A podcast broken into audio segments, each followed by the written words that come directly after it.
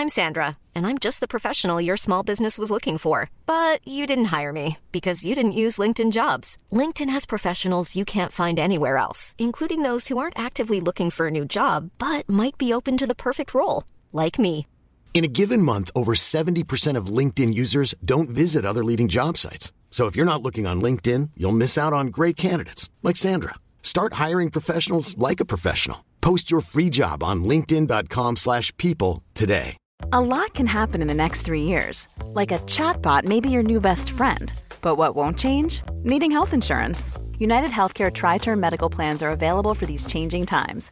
Underwritten by Golden Rule Insurance Company, they offer budget friendly, flexible coverage for people who are in between jobs or missed open enrollment. The plans last nearly three years in some states, with access to a nationwide network of doctors and hospitals. So, for whatever tomorrow brings, United Healthcare Tri Term Medical Plans may be for you. Learn more at uh1.com.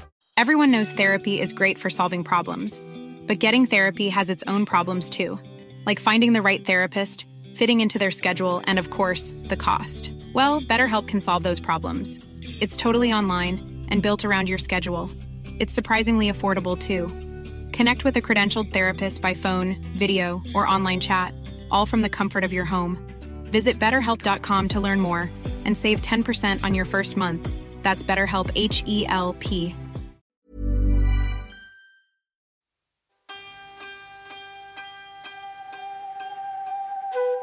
Hej och välkomna till ett nytt avsnitt av Psykologsnack. Kul att det är dags för ett till avsnitt. Ja. Vi har fått fin respons på de tidigare avsnitten vilket har gjort att ja, men vi känner oss ju väldigt glada och peppade att fortsätta med det här. Mm. Syftet med podden är ju att vi vill sprida och göra psykologisk kunskap mer tillgänglig och användbar. Och inte minst bidra till en ökad öppenhet och kunskap kring psykisk hälsa och ohälsa. Och för er som inte lyssnat på de tidigare avsnitten, vilka är då vi? Jag är Sandra Och jag är Åsa. och vi är båda legitimerade KBT-psykologer som tillsammans driver Axelsson och Persson psykologbyrå där vi bland annat gör den här podden men också föreläser om psykologisk hälsa. Hur eh, står det till med dig idag? Jo, men det, det är okej. Jag har liksom varit lite sjuk. Eller ja, jättesjuk egentligen. Jag har inte varit så sjuk på fyra år. Men du har ju varit sängliggande typ den här veckan. Hög feber, bara kunna äta glass. Ja, Men nu börjar det ju ordna upp sig. Men man kanske har lite så här skrovel på rösten, lite täpp i näsan och sådär. Men jag hoppas att det ska lösa sig. Hur Ja. är det med dig? eh, jo men eh, det är eh, bra tycker jag. Jag har ju också varit, inte den här veckan men under februari, lite så här förkyld av och till. Och, Just det. Eh, och så. Men nu tycker jag att jag känner mig frisk. Härligt. Och jag tränade faktiskt igår första träningspasset på några veckor. Det var väldigt härligt. Kanske inte innan, det var lite motigt. Jag var på väg faktiskt att ställa in. Men jag gick iväg och efteråt var jag så nöjd för jag kände att jag var så himla mycket piggare. Så det är skönt att vara igång igen faktiskt. Ja, bra gjort. Det är ju alltid lite jobbigt att komma igång när man har haft en paus. Ja, men tack. Ja, jag längtar efter att träna också, men jag får nog vänta några dagar till tror jag. Ja, ja, ha fokus på att kurera dig. Ja. Och dagens tema är ju perfektionism. Och när vi gjorde research och läste på inför podden så läste vi bland annat boken När perfekt inte duger av Martin M. Anthony och Richard P. Swinson. Jag började ju med att eh, lite snabbt bläddra igenom boken och genast så vaknade den lilla perfektionisten i mig och jag tänkte, men herregud, hur ska vi kunna täcka in allt det här i en timmes podd? Eh, sen började jag ju läsa och det var ju lite komiskt för de beskriver ju då hur boken inte ska användas. Att eh, man inte ska försöka göra allt i boken perfekt och att man inte kan jobba med allting på en gång för de beskriver så himla mycket strategier och så. Så jag kom ju på mig själv. Och sen har ju vi, du och jag, har försökt avgränsa oss och välja ut det som känns mest relevant för att ni som lyssnar ska få en bild av vad perfektionism är. Mm, så vi kommer att fokusera på vad perfektionism är, perfektionistiska tankar och beteenden samt tips på vad man kan göra för att utmana perfektionistiska beteenden.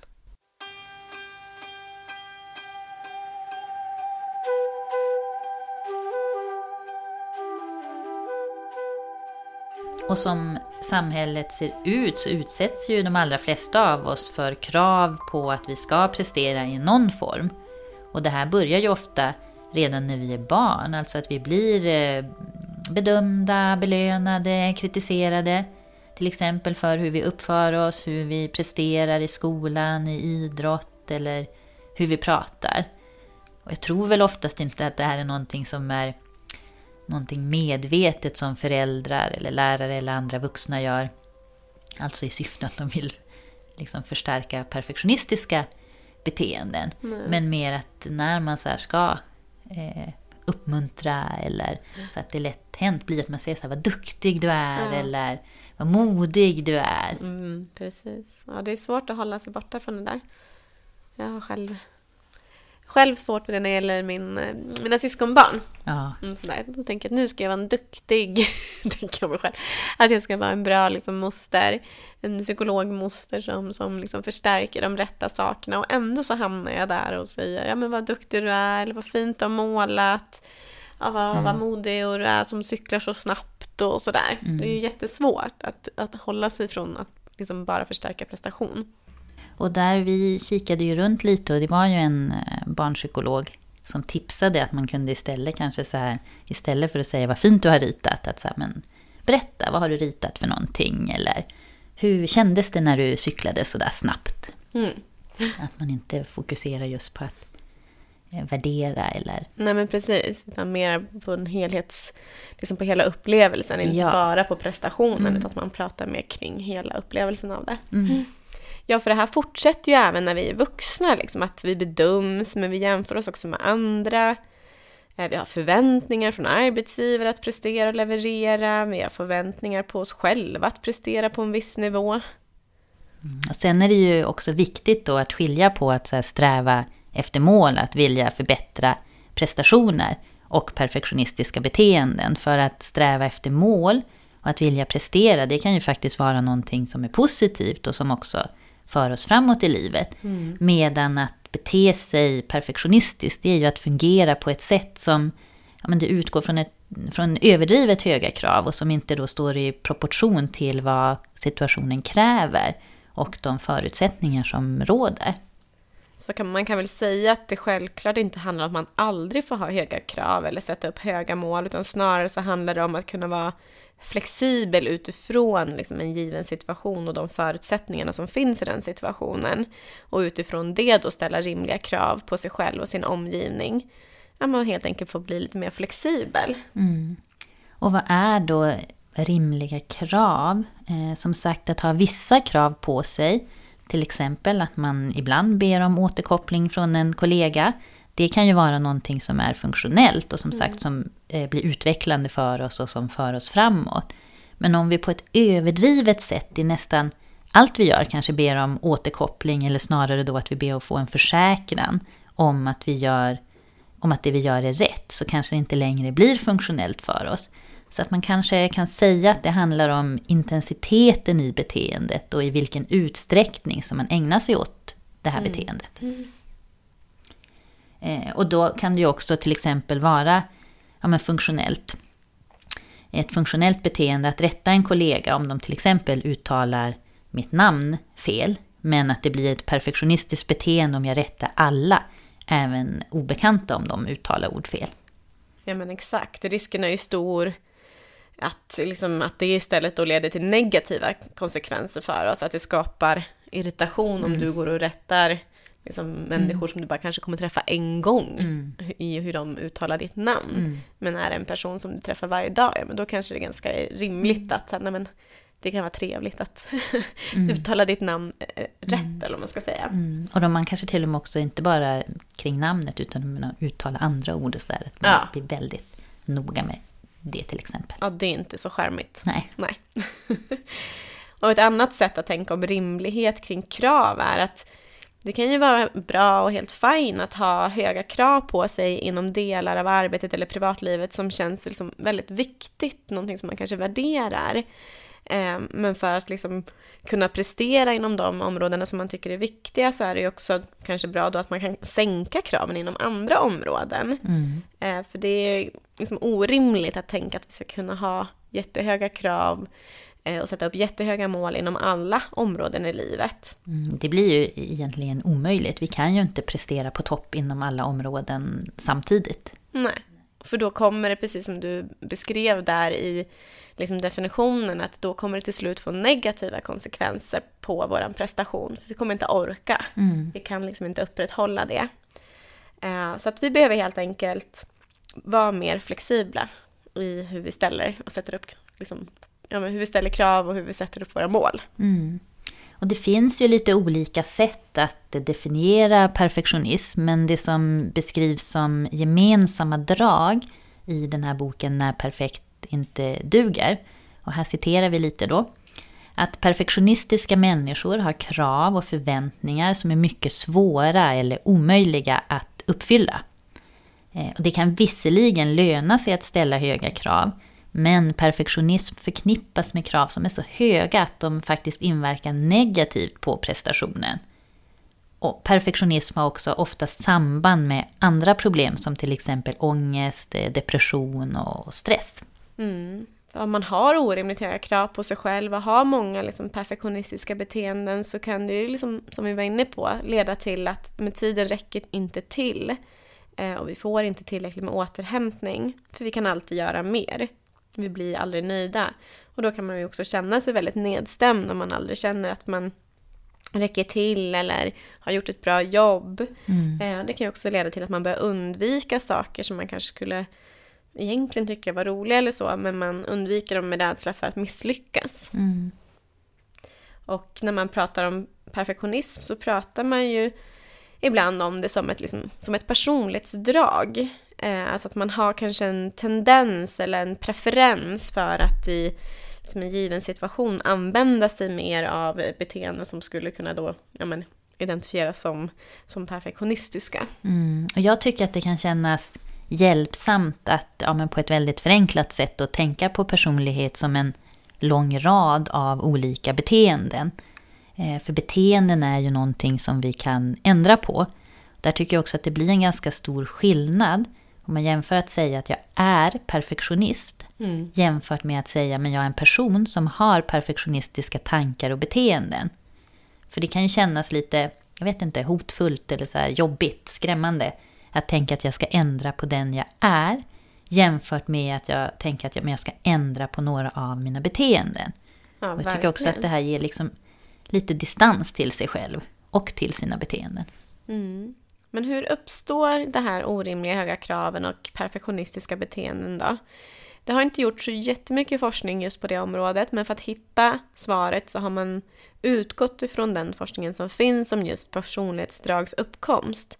Och det här har man sett att, är, att ärftligheten har en viss betydelse vid utvecklandet av personlighet. Mm, och våra beteenden formas ju också bland annat av det här som kallas belöning och förstärkning. Det vill säga att jag får någonting som jag vill ha. Kanske har jag belönats och uppmärksammat, som vi var inne på här inledningsvis, från både lärare och föräldrar för att jag har varit flitig och duktig i skolan. Mm. Eh, och även att det också kanske leder i förlängningen till att jag kommer in eh, på den utbildning som jag vill gå. Så att den här prestationen har ju då förstärkts på olika sätt. Alltså att jag får någonting som jag vill ha. Jag får det här berömmet eller jag kommer in på den här utbildningen. Och det ökar ju då sannolikheten för att det här beteendet ska upprepa sig. Ja, och det kan ju också vara så att jag drabbas av ångest och har tankar om att jag måste göra mitt bästa och ha alla rätt på provet och att genom att anstränga mig till mitt yttersta och se till att kunna varenda detalj inför provet så minskar ångesten och obehaget för stunden. Eh, vilket gör att jag alltså blir av med något som jag inte vill ha. Ångest och obehag vill jag inte ha. Mm. Eh, men det gör ju också att sannolikheten ökar att jag kommer upprepa beteendet, alltså att beteendet förstärks. Men här utifrån vad vi kallar då negativ förstärkning, alltså jag blir av med någonting som jag inte vill ha, mm. som ångest och obehag. Mm. Eh, och inlärning av beteenden kan ju också påverkas eh, genom bestraffning. Och bestraffning innebär att beteendet då följs av någon slags eh, negativ konsekvens. Och som då oftast leder till att sannolikheten för att beteendet ska upprepa sig minskar. Så om man som barn till exempel ständigt blir utsatt för kritik, att, ja, men, att du är så slarvig eller du uttalar de här orden fel så kan man ju då lära sig att ja, men det är väldigt viktigt att man måste göra allting eh, på rätt sätt. Och om man bestraffas hårt även liksom för minsta lilla, för väldigt små misstag, så är ju risken stor att man blir övertygad om att det är väldigt, väldigt viktigt att inte göra fel. Mm. Och beteende kan ju även formas och uppstå genom det som kallas modellinlärning. Alltså att man lär in genom att observera andra människor. Exempelvis så kan man ju lära in rädsla genom att se att andra blir rädda. Om exempelvis, ja men min mamma var rädd för spindlar och skrek högt när hon såg en spindel och hoppade runt och ställde sig på bordet och vifta. Mm. Så är det ju en risk att då, att jag också lär mig att spindlar är något som är farligt. Mm. Eh, och även när det då gäller perfektionistiska beteenden så kan man ju tänka att, det, att de också lärs in på det här sättet. Att om man har personer runt omkring sig eh, som har perfektionistiska beteenden och så observerar man dem. Att man då lär sig att det är så här saker ska göras. Det är det här som till exempel är standard för hur man gör saker. Eh, och vi pratade ju lite om det här tidigare också. Ja. Och tänker när jag eh, växte upp så var jag ibland mycket tillsammans med både min mormor och min farmor och hjälpte dem när man skulle städa och så. Och de, eh, när man städade då tog man alltid ut alla mattor och de piskades och det dammades och så. Och det gjorde min mamma också, så jag lärde mig att men det är så man gör när man ska städa. Så Just sen när jag var ja, men i 20-årsåldern kanske och delade lägenhet med, med en kompis och när vi skulle städa, men då började jag dra ut vet, så här, alla mattor, jag dammsög, jag torkade golven och så. Hon bara, men vi behöver väl inte göra det varje gång vi städar, det kanske räcker med att så här, dammsuga. Ja. Så smutsigt är det ju inte. Nej. Ehm, Så det är ju ett exempel på så här modellinlärning och också kanske hur det blir en del så här det vi brukar kalla regelstyrda beteenden.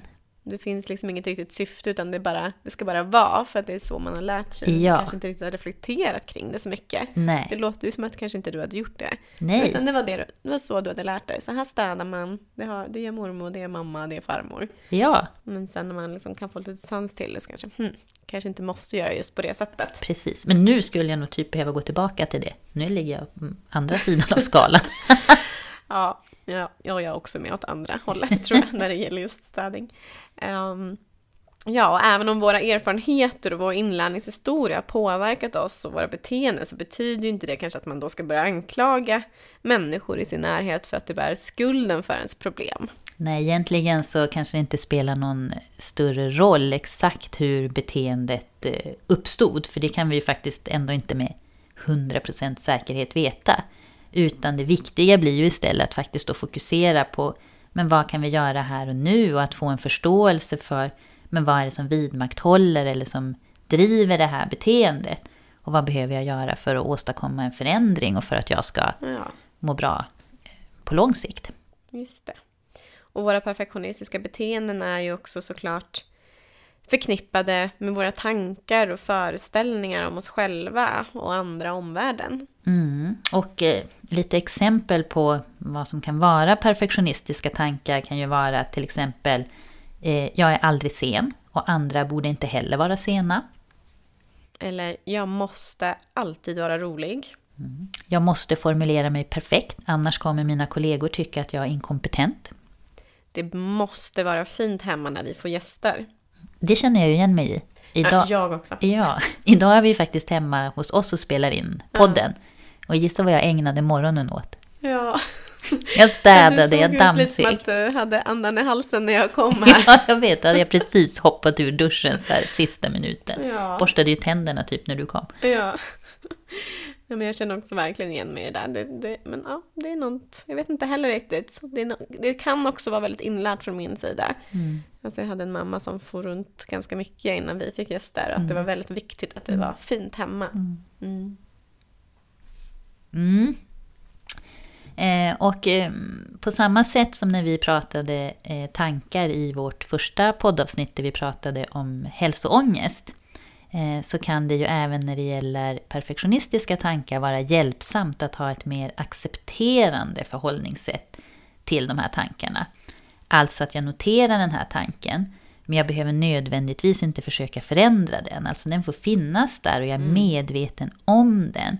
Men mitt fokus kommer framförallt att ligga på att sen då ändra på mina beteenden. Ja, vi kan väl göra en övning. som både du och jag tycker är, är hjälpsam att använda sig av för att, ja, men för att just bli mer medveten Mm. eh, om våra tankar. Mm. Så jag tänkte du får testa en övning nu Åsa. Mm. Eh, och då vill jag att du ska välja en tanke. Mm. Eh, vi har valt en tanke då, en, ja, en perfektionistisk tanke då såklart. Mm. Eh, jag måste alltid vara rolig. Och då vill jag sen att du sätter in jag tänker framför den tanken. tänker att jag alltid måste vara rolig. Mm.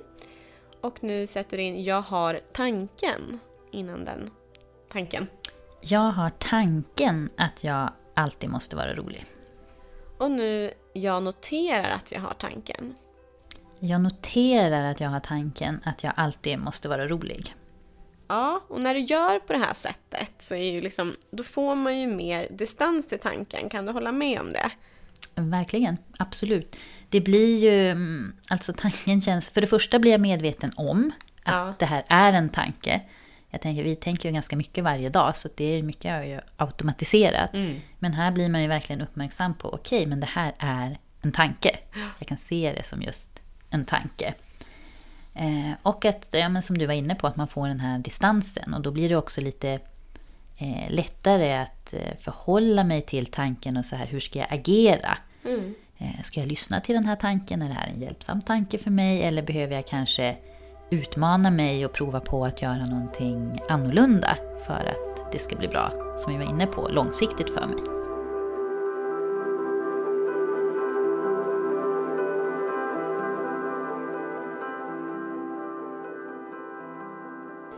Och när man pratar om perfektionistiska beteenden är det ju kanske ofta, tycker jag i alla fall när jag pratar med liksom vänner, att, sådär, att det är många som förknippar det just med ja, men typ städning. Att man vill ha det ordnat och fint. Eh, men att, ja, men, typ att man är pedantisk hemma. Eh, och det är ju förvisso en typ av perfektionistiska beteenden.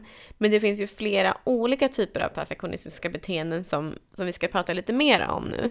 Mm, och vi får väl se om eh, vi känner igen oss i några av dem. Inte tänka mig. Nej, inte absolut inte. jag.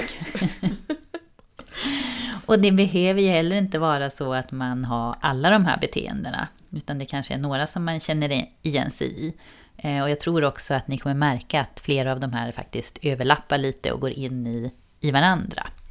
Eh, Och man kan ju dela upp eh, de här mm, beteendena i två olika eh, kategorier. Just det, och den första kategorin är ett beteende som syftar till att nå en hög standard. Och här har vi då ett exempel som är överdrivet kontrollerande eller och behov av försäkringar från omgivningen. Och det är ju en typ av perfektionistiska beteenden där man ägnar sig åt just överdrivet kontrollerande för att försäkra sig om att man har gjort rätt eller att ingen annan har gjort något fel. Alltså att jag själv eller personer i min omgivning har, har gjort rätt eller levt upp till alla och då oftast hö, hö, högt ställda krav. Mm, Att kontrollera kan ju också handla om att hela tiden be om försäkringar. Om att en uppgift har gjorts på rätt sätt. Och här är det viktigt att komma ihåg att det alltså handlar om att det blir överdrivet. Som vi var inne på tidigare, att man då ibland kan stämma av med någon kring en uppgift. Det kan ju vara hjälpsamt för oss. Och som vi sa, det kan föra oss vidare framåt i vårt arbete till exempel. Men ett exempel på när det skulle kunna vara överdrivet är ju till exempel om jag varje dag håller koll på och kontrollerar när mina kollegor kommer och går till och från jobbet. Ja, ja den, just den typen av beteende, det känner jag inte igen Nej, mig i. Eh, Men däremot så tycker jag nog att jag kan få en släng av eh, perfektionism. Alltså när jag, när jag skriver till exempel mejl eller så protokoll från något eh, möte. Att jag kanske så här kontrollerar det om och om igen. Eller att man vill att någon så ska dubbelkolla och se, se om det är så. Mm, ja, men jag fastnade faktiskt i ett sånt mejl ganska nyligen. Eller så när jag, det var kanske fyra, fem meningar. Men det var till en person, eh, menar liksom en ny person och en ganska viktig person. Och där kom ju just den här tanken, det måste vara rätt. Annars kommer den här personen tänka att jag är inkompetent. Ja.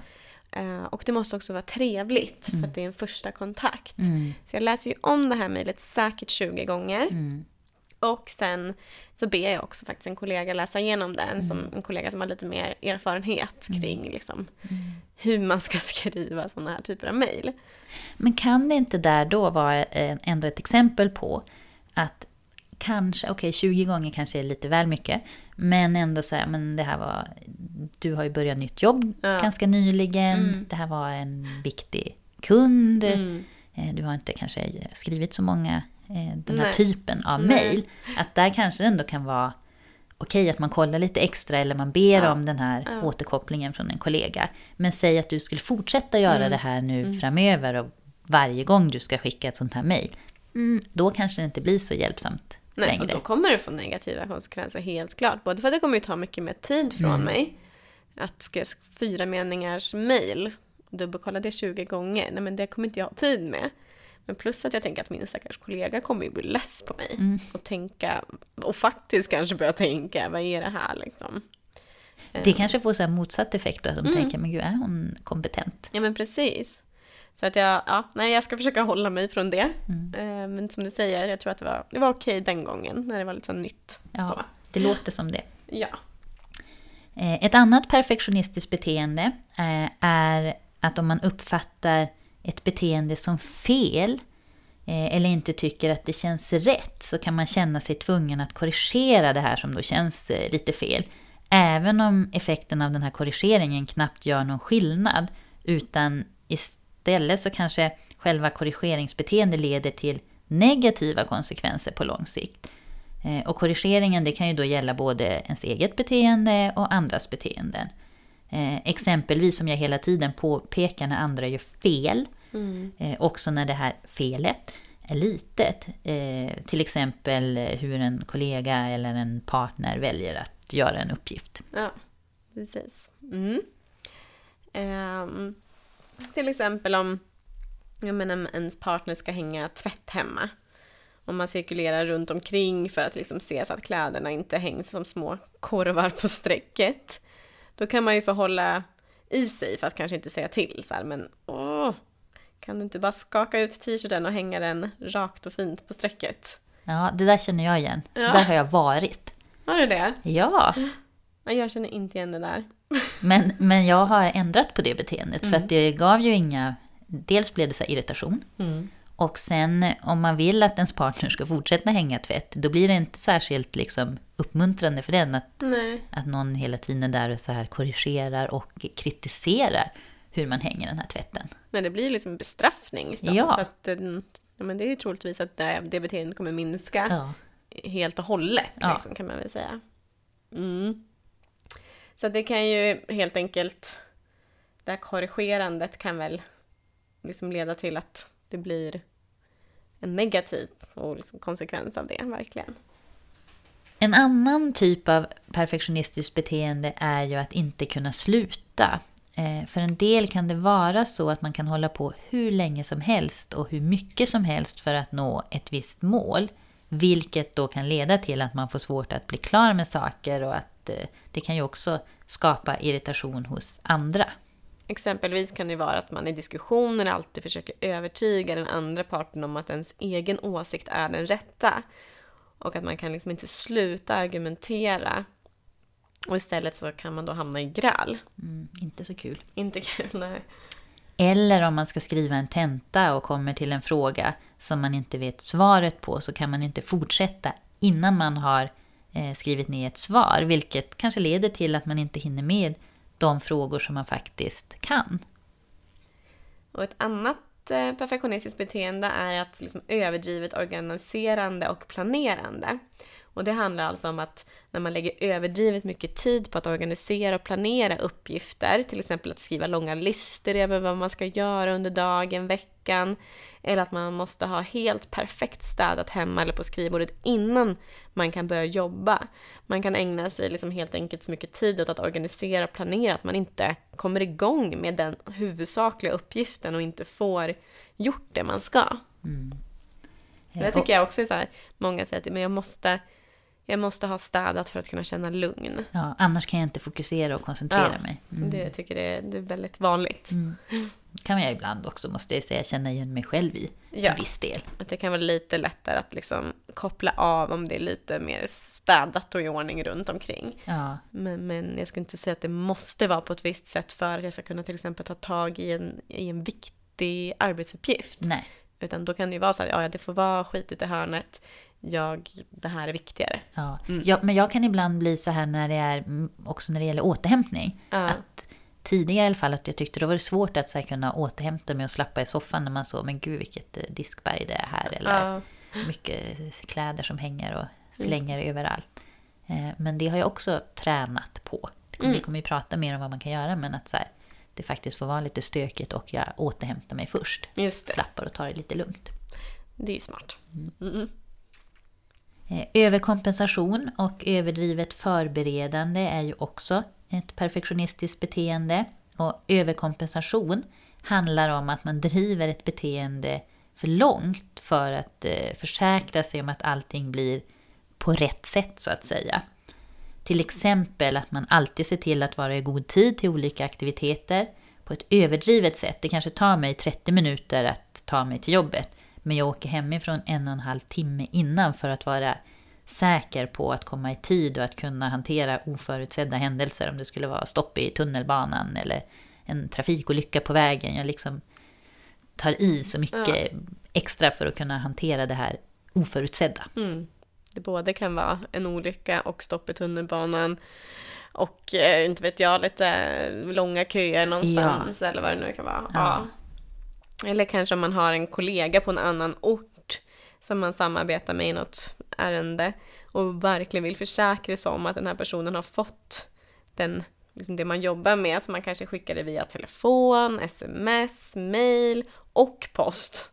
För att sedan efter liksom en, några, en tag ringa och bara kolla så att men, har meddelandet verkligen kommit fram. Mm. Eller att man lägger ner så här orimligt mycket tid eh, att eh, förbereda inför ett möte för att jag ska kunna besvara alla möjliga typer av frågor som kan komma. Att jag inte får kunna säga så här att oj, jag vet inte. Jag måste ha förberett mig för alla tänkbara scenarion. Ja, det, det kräver ju en hel del förberedelse om man ska Ja. kunna göra det. Verkligen att det kan kosta mycket både tid och energi.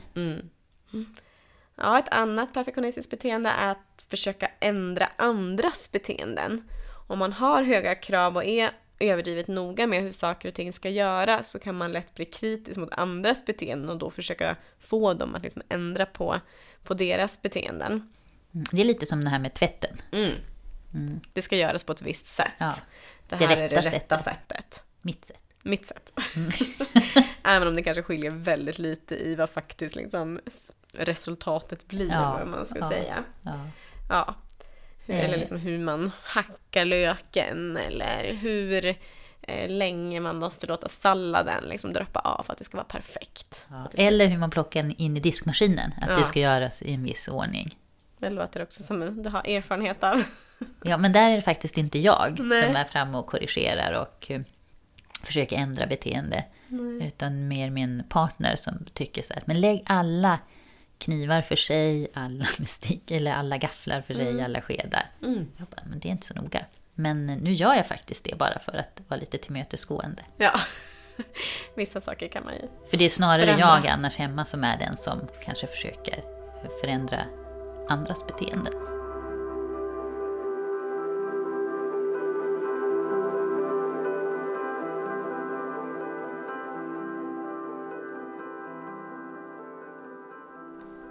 Nu har vi ju gått igenom den första kategorin av beteenden, alltså de som eh, syftar till att man vill nå en hög standard. Så nu ska vi prata lite mer om den andra typen av beteenden, alltså de som syftar till att man vill undvika att misslyckas. Eh, Och som vi har sagt tidigare så är det ofta svårt att eh, leva upp till perfektionistiska krav. Och det händer att när vi försöker vara perfekta så börjar vi att undvika situationer där vi känner oss då tvingade att uppfylla de här nästintill omöjliga kraven. Mm. Och en sån typ av liksom beteende är oförmåga att delegera. Och att oförmåga att delegera handlar om att man ofta misstror andras förmåga då att göra eh, saker ordentligt, vilket leder till att man låter bli helt enkelt att delegera uppgifter om man inte är helt 100% säker på att uppgiften kommer göras helt perfekt. Mm. Eller att man inte vill då till exempel delegera en uppgift till en kollega för att då tänker man att men det blir inte gjort eh, på rätt sätt. Mm.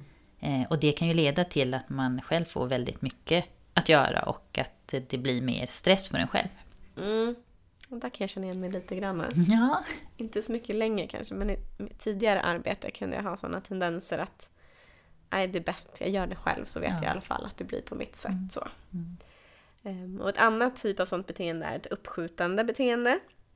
Man kan väl säga att det är nästan omöjligt att uppnå perfektion, så då kan det bli så att man börjar skjuta upp saker, för man är rädd att man inte ska kunna leva upp till de här höga kraven som man själv har ställt. Vinsten med att skjuta upp blir ju att man slipper åstadkomma något som då inte är helt perfekt. Och ibland kan det till och med vara så att man helt undviker situationen där man inte då tror eller upplever att man håller måttet. Ja, till exempel i skolan, på jobbet eller så, så vill man alltid prestera och leverera, leverera på topp inom allt och då blir kraven så jobbiga att man, man skjuter på, på uppgiften till sista stund. Och det kan ju också vara det här beteendet att ge upp för tidigt. Alltså att eh, när man ger upp för tidigt, det handlar om att man ger upp på grund av en rädsla för att man inte ska uppfylla ett visst krav. Till exempel att men, jag vågar inte söka ett nytt jobb för att jag kommer inte leva upp till de krav som den nya arbetsgivaren har eller ställer. Mm. Eller kraven på en själv, att jag ska alltid vara Mm. eh, bäst på det jag gör eller någonting. Så nej men det kanske jag inte kommer vara på det jobbet, nej men då struntar jag i det. Mm. Och så kanske man går miste om jättemycket eh, roliga jobb eller upplevelser och så. Och utveckling. Ja men verkligen. Eh, Och ett annat typ av sånt beteende är att svårigheter att fatta beslut. Um, och det är att man alltså kan ha svårt att fatta beslut på grund av att när man ställs inför olika alternativ så kan man oroa sig för att göra ett misstag eller att man kommer känna starkt obehag inför att det kanske inte har fattat det bästa eller rätta beslutet. Och det här kan leda till att det då blir svårigheter både i men, i arbetet och privatliv. Att man kan liksom inte riktigt ta besluten som man behöver. Mm. Det kan ju vara att eh, man kan ha svårt att välja vad man ska ha på sig för kläder. Eller att man kan ha svårt att välja mat på restaurang, att man ska ändra sin beställning flera gånger. Ja.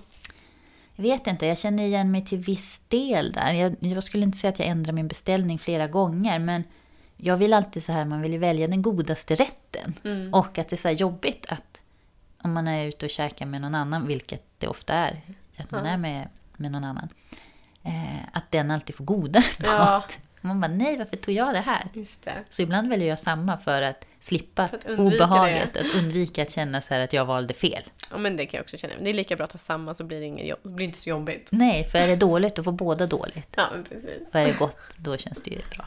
Ja, men jag kan också känna mig, igen mig framförallt tidigare här att ta beslut. Jag tyckte det var jättesvårt. Och jag har en sån erfarenhet som liksom har etsat sig fast i mitt minne. Och Det var men när jag var liten, vad kan ha varit? Så här, men, sex, sju år gammal. Och min mormor och morfar var på besök. Ehm, och eh, de ville ta med mig och min syster till leksaksaffären.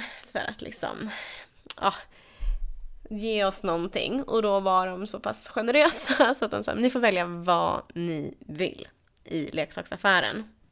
Och min syster, ja, men hon struttade iväg och tog någonting som hon kände sig rätt nöjd. Alltså, ja, hon blev ju nöjd. Och jag gick runt där och jag klämde och jag kände och jag tittade på allting. Åh.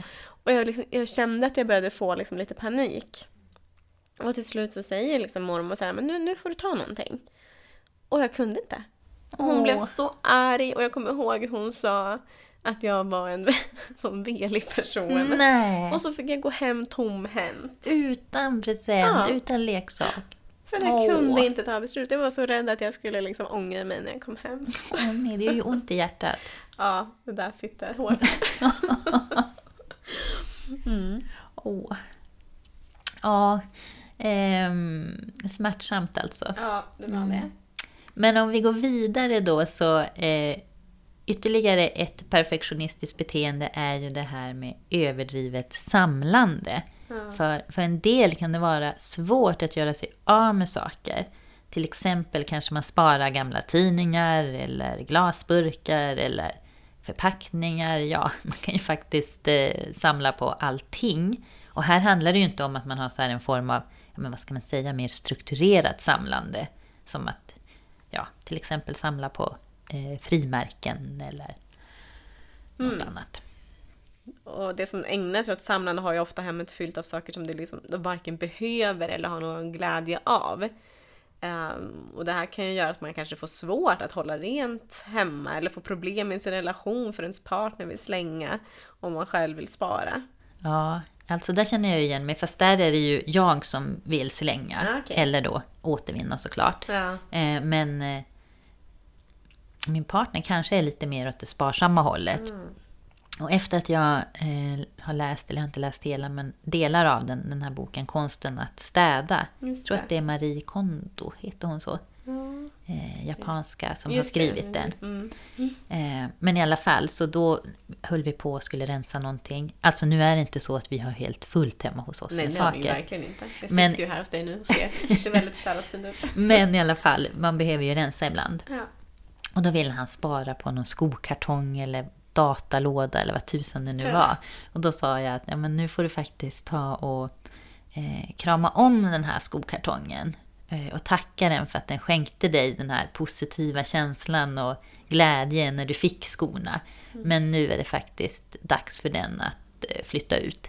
Och då blev det också lite komiskt, så det kunde vi skratta åt och sen kunde vi slänga skokartongen. Mm. Ja, och en vanlig orsak till att man vill spara saker, och det kanske också var fallet, eh, är att man kanske tror att man ska behöva dem någon gång. Mm. Sen att man känner ett obehag inför tanken att liksom göra sig av med något. Mm. Jag kan också känna igen mig lite i det. Jag brukar också få så här, "Nej, men nu ska jag rensa garderoben. Och så rensar jag och drar ut allting och håller på liksom med det där fyra, fem timmar. Och sen tittar jag i min himla påse med saker som är utrensade så ligger liksom en topp där. Ja, Då blir det så här, men, för då har jag liksom tagit tillbaka massa saker, men kanske. Ja. Jag kommer nog kunna behöva den här ändå. Ja, jag kan också faktiskt känna igen mig lite i det. Men där tycker jag ett bra knep kan vara att så här, och det får ligga en liten så här kanske-hög. Ja. Har jag inte tittat i den där kanske-högen på ett halvår eller Ja, ett år när jag rensar nästa gång, då åker det Då åker det. definitivt. ja men det är bra. Då har vi ju gått igenom alla perfektionistiska beteenden. Och eh, som ni kanske har märkt och som vi sa tidigare så överlappar ju en del av dem med varandra och de går in i varandra. Eh, och att perfektionistiska beteenden kan ju faktiskt vara så mycket mer än att eh, då städa och hålla ordning hemma. Ja, verkligen. Ehm, nu har vi kommit till delen där vi ska prata mer om strategier man kan använda för att utmana perfektionistiska beteenden och då öka flexibiliteten i krav. Och då ska vi prata exponering. Exponering innebär ju att man avsiktligt utsätter sig för situationer som väcker obehag. Och det är ju en mycket effektiv behandling mot eh, orealistisk rädsla. Och vid perfektionism så är det ju då förknippat med en rädsla att inte duga, att inte vara perfekt, att, eller att inte uppfylla olika krav. När man använder exponering vid perfektionistiska beteenden så utsätter man sig upprepade gånger för icke-perfekta situationer som då kan framkalla ångest, eh, frustration eller obehag. Och när det gäller perfektionistiska beteenden fungerar ju exponering delvis genom att man lär sig Även att man då skulle göra fel så blir konsekvenserna oftast inte så farliga. Och även om någon skulle kanske då bli missnöjd med hur man har presterat så kan man då också liksom sannolikt hantera situationer så det blir som en inlärning kring det. Mm. Och exponering för situationer där ens krav inte kommer att uppfyllas, det är ett bra sätt att lära sig att sådana situationer inte behöver vara läskiga eller skrämmande. Och att det faktiskt eh, kan vara en fördel med att eh, kunna sänka kraven ibland. Ja, precis. Om man tänker liksom bara förslag på exponeringsövningar. Om man till exempel har då eh, perfektionistiska tankar i att jag står inte ut med att ha det stökigt hemma. Hur, hur skulle man då kunna exponera sig, tänker du? Mm, det kan ju vara att eh, låta det vara stökigt eh, på en eh, del ställen i hemmet. Det kanske är till exempel att lämna disken framme på matbordet. Just det. Eh, Och där kan man ju variera lite. Det kanske är om jag lämnar en, en timme och gör någonting annat emellan. Eller två timmar eller hela kvällen. Eller kanske faktiskt till dagen efter om det Ja. skulle vara så. Eller att det får ligga kläder framme och få vara lite stökigt på det sättet. Mm. Man väljer ut liksom ett, ett avgränsad del kanske i det här. Att Ja. okej, men jag låter det vara stökigt på ett ställe. Och sen kanske man kan utöka det på Ja. olika sätt. Ja. I tid eller i områden eller vad man kan säga. Mm. Och som vi var inne på också tidigare, det här där både du och jag kände igen oss, att men jag måste alltid ha fint hemma när jag får gäster. Ja. Där kan man ju också exponera sig lite i att man kanske inte behöver städa hela hemmet innan Nej. gästerna kommer. Man kan ju välja att så här, nej men jag låter det vara, jag struntar i att dammsuga eller det får ligga lite saker framme och så men att välja att det känns viktigt att badrummet är fräscht, då torkar jag av det. Mm. Så att man kan ju även där hitta Ja, grader precis. och nivåer i exponeringen. Just det. Om man har tankar då, som att, lite så här som jag hade med mitt mail, tänker jag att jag måste alltid fram- framstå som kompetent och därför kontrollerar jag alla mail många gånger. Vad skulle man kunna göra då? Till exempel så skulle ju du kunna lägga in ett eh, medvetet stavfel eller utelämna något ord. Och kanske inte då i det här superviktiga mejlet utan i ett mer lågprioriterat mejl. Mm. Ja, det hade varit jättejobbigt att stava fel i det mejlet. Usch. Ja. ja, men precis. Man kanske får börja med något lite enklare. Ja, Och ta något så här, kanske intern mejl eller till någon kollega som Ja. det inte liksom, det spelar ändå, ändå inte så stor roll. alltså det där utmanar jag mig faktiskt med ibland. ja, Eh, Och det känns ju jobbigt. Mm. För att det kommer så här tanken, ja nu tror de att jag inte kan stava. men precis. Eh, Men jag gör det i alla fall. Ja. Och så får man ju då se, hur blir det då? Kommer Ja. den här personen titta annorlunda på dig nu Ja. eller kommer det bli helt förändrat i Ja. er arbetsrelation Ja. nu? Ja, en annan sån här vanlig liksom, perfektionistisk tanke är att det måste alltid komma i tid. Ja, men eh, är inte det bra då att komma i tid? Ja, men precis. Är det inte det? Eller? Eller? Ja, hur skulle man kunna utmana det? Där tänker jag att man... Ja, man kan ju medvetet kanske då ja, men komma tio minuter sent. Eh, och även där då kanske man ska tänka att det inte ska vara till det viktigaste mötet. Men kanske ha sådär, jag måste alltid komma 8.00 för jag börjar jobba då. Ehm, men måste jag alltid det? Det kan ju göra att man jagar upp sig i onödan eller stressar i onödan. Det är sannolikt inte hela världen om jag kommer några minuter senare. Eller till och med en halvtimme senare. Ja. Just för att det kan också, alltså att man blir mer flexibel. Och att man inte så hetsar upp sig att det tar så mycket energi. Mm. För att ibland kan det ju vara så att man faktiskt kan bli försenad. Ja, det kan ju hända saker. Ja. Och att då har man erfarenhet av att klara av att, att komma sent. Mm. Och se att det sker ofta ingen katastrof. Nej, men precis. Ja. Ska vi ta några fler exempel, eller vad tycker du?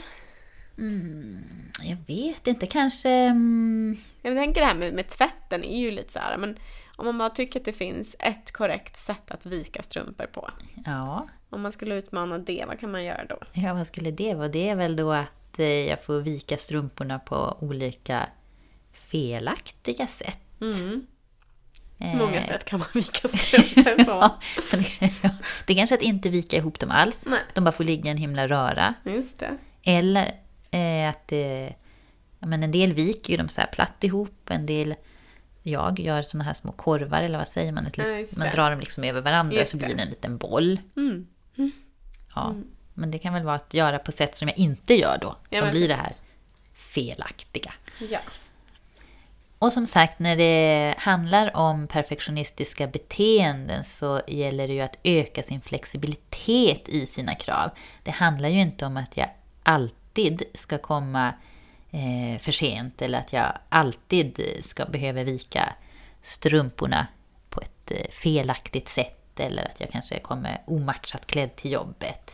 Utan mer att träna på att det kan vara okej att ibland vara sen som vi var inne på. Eller att det kan vara okej att strumporna inte alltid viks som jag vill. Eller det är okej att eh, mejlet inte blir helt perfekt. Och när man ska liksom börja exponera sig så, så finns ju lite tips på vägen. Mm. Eh, Och det är ju att som vi har varit inne på, att inte börja med den läskigaste eller allra svåraste övningen, utan variera svårighetsgraden på exponeringsövningarna och kanske börja med något som är lite enklare. Mm. Och sen planera för din exponering. Att, liksom, vad, vad är det jag kan göra idag för att utmana kanske mina perfektionistiska beteenden? Och vara, återigen vara beredd på att det kommer ju vara obehagligt på kort sikt. Om du till exempel ska komma då 5-10 minuter sent till ett möte så kan det ju vara bra att vara förberedd på att ja, men det kanske kommer vara någon som, som är lite irriterad, tittar lite på en sådär. Eller så bryr de sig inte alls. Eller så bryr de sig inte alls. Mm. Och kom ihåg att eh, exponering ska ske under kontrollerade former. Även om du kanske exponerar för att släppa kontrollen så ska själva exponeringen vara planerad. Och också att öva ofta och regelbundet. Att försöka att öva varje gång som du har tillfälle. Och kom ihåg att en lyckad övning är en övning som du slutför. Utvärdera inte utifrån hur det känns eftersom att det med största sannolikhet kommer att kännas jobbigt till en början. Utvärdera istället att du har tränat och att du har slutfört träningen. Och sen ska man ju såklart inte välja övningar som kan skapa stora problem för en. Typ att inte gå till jobbet alls eller strunta i en jätteviktig uppgift. Och är man osäker på vad som kan vara liksom en bra övning så kan man ju stämma av med någon i sin närhet som man litar på. Och säga, men vad tycker du? Mm. Låter det här som en bra övning? Mm. Mm. Det är bra tips.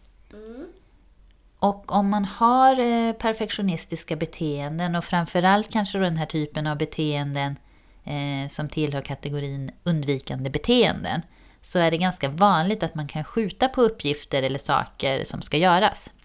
Och vanliga anledningar till det är att man är orolig att man inte ska lyckas tillräckligt bra. Och att man inte vet då var man ska börja någonstans. Mm. Och ett tips är då att eh, tidsbestämma en aktivitet och att dela upp de här uppgifterna i mindre steg.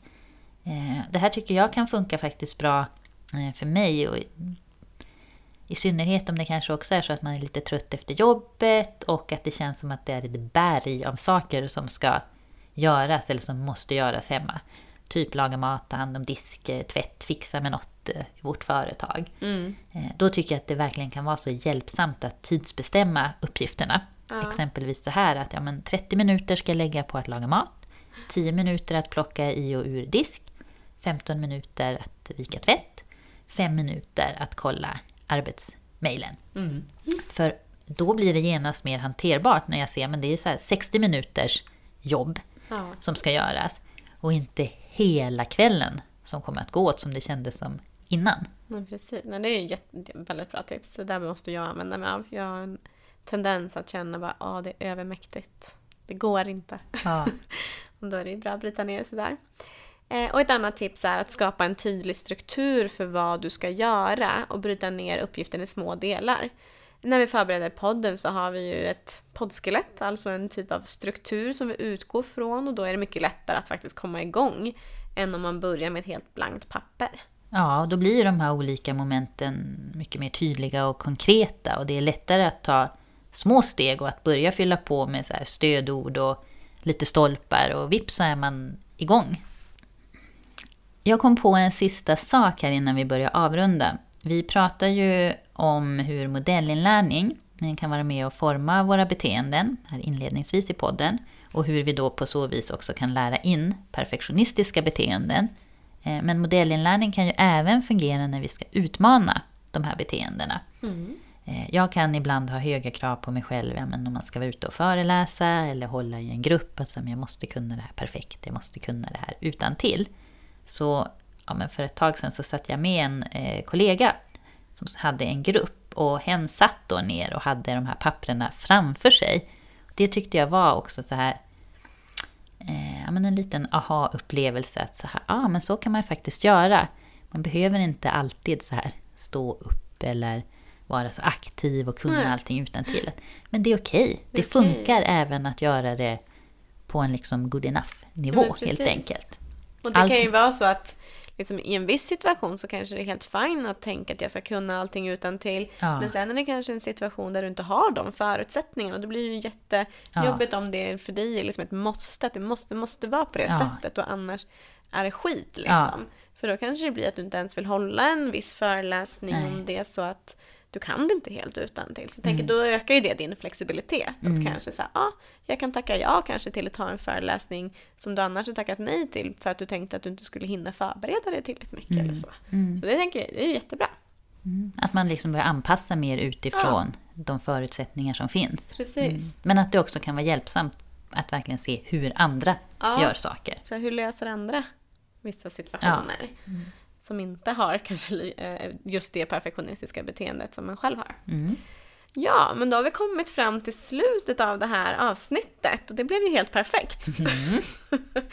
Ehm, ja, det vet jag inte riktigt. men eh, vi hoppas i alla fall att ni har fått med en hel del. Eh, men om vi ska plocka russinen ur kakan åt er så tycker vi att det är några viktiga saker som ni kan ta med er. Eh, Och då tycker jag att det är väldigt hjälpsamt att se på perfektionism som en rad beteenden. Alltså som ett beteendemönster som du var inne på där. Att det är ingenting man är utan det är, liksom, det är beteenden och då går de ju faktiskt också att ändra på. Mm. Och att ha höga krav eller att sträva efter att prestera är inte alltid dåligt. Eh, perfektionism eller perfektionistiska beteenden då blir ett problem då det blir begränsande, regelstyrt och inte tar hänsyn till de rådande omständigheterna och när de tar orimligt mycket tid från annat. Mm. Och att en signal kan ju vara liksom att, att man kan behöva arbeta med någonting om man märker att det känns väldigt obehagligt när man inte gör exakt som man brukar. Eh, att till exempel att man testar att så nej, men nu bjuder jag hem de här vännerna och, jag, och eh, jag gör inte precis som jag brukar och så märker man oj det här blev jätteobehagligt. Då kanske det är så här, men här kanske är ett beteende som jag behöver öva på för att bli lite mer flexibel. Mm. Och tänk också på att inte ändra och utmana alla beteenden på en gång och var beredd på den här så kallade psykologiska träningsverken. Alltså att det förmodligen kommer att vara jobbigt på kort sikt när du börjar att göra annorlunda. Ja, och det kan ju vara svårt att bryta de här mönstren på egen hand och då kan man behöva ta hjälp. Ja, och om man känner att man behöver hjälp så kan man ju alltid vända sig till sin vårdcentral. För de allra flesta vårdcentraler har ju nu mera psykologer. Att man kan boka en tid där och få vägledning. Och har ni frågor, funderingar, synpunkter så hittar ni oss på Instagram. Och då heter vi också där då psykologsnack. Eh, Och där lägger vi ju också upp eh, lite psykologiska träningstips. Ja, så in och följ oss där. Ja. Och sist men inte minst så vill vi också säga stort tack till Jenny Segerheim som har hjälpt oss med inspelning, ljud och klippning. Och ett stort tack till Ulf Solulf Fällman Svedlund som har lånat ut sin låt Piano till podden. Tack! Ja, tack. Och vi hörs ju om eh, två veckor igen. Ja. Och till dess så får ni ha det fint och ta hand om er. Hand om er. Hej då!